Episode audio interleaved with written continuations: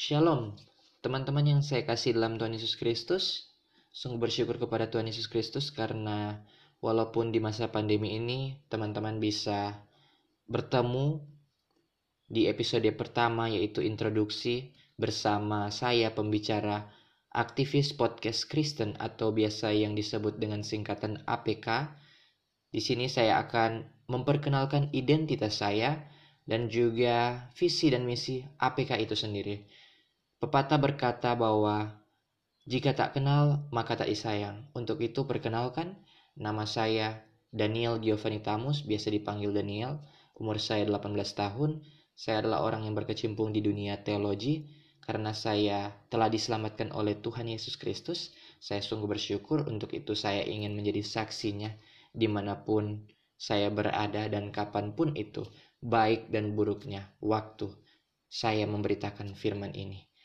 Dan saudara-saudara yang saya kasih dalam Tuhan Yesus Kristus, percayalah bahwa dalam Tuhan Yesus Kristus bahwa kasihnya sungguh ajaib bagi kita semua sehingga saya didorong untuk membuat podcast ini dengan visi hidup bagi Kristus yang diangkat di dalam firman Tuhan Filipi 1 ayat 21 dan juga misi APK yaitu untuk menjangkau orang-orang yang terhilang yang belum percaya kepada Kristus terlebih kepada remaja-remaja dan juga pemuda di generasi saat ini.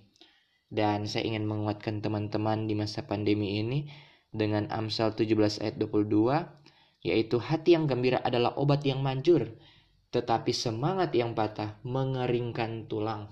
Untuk itu fokuskanlah hidup kita kepada anugerahnya.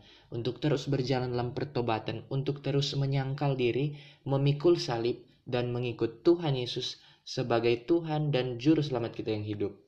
Untuk itu teman-teman, tetaplah setia berjalan bersama dengan Yesus, karena engkau takkan pernah mengalami kekecewaan. Karena keselamatan yang engkau terima sungguh luar biasa. Tak ada keselamatan di luar Yesus, hanya di dalam Kristuslah kita memperoleh keselamatan itu. Untuk itu teman-teman, marilah kita saling membagikan podcast ini dan saling memuridkan, saling memimpin, saling menguatkan, saling mendoakan, dan juga saling memberkati. Untuk itu, Tuhan Yesus memberkati teman-teman sekalian. Shalom, damai di hati.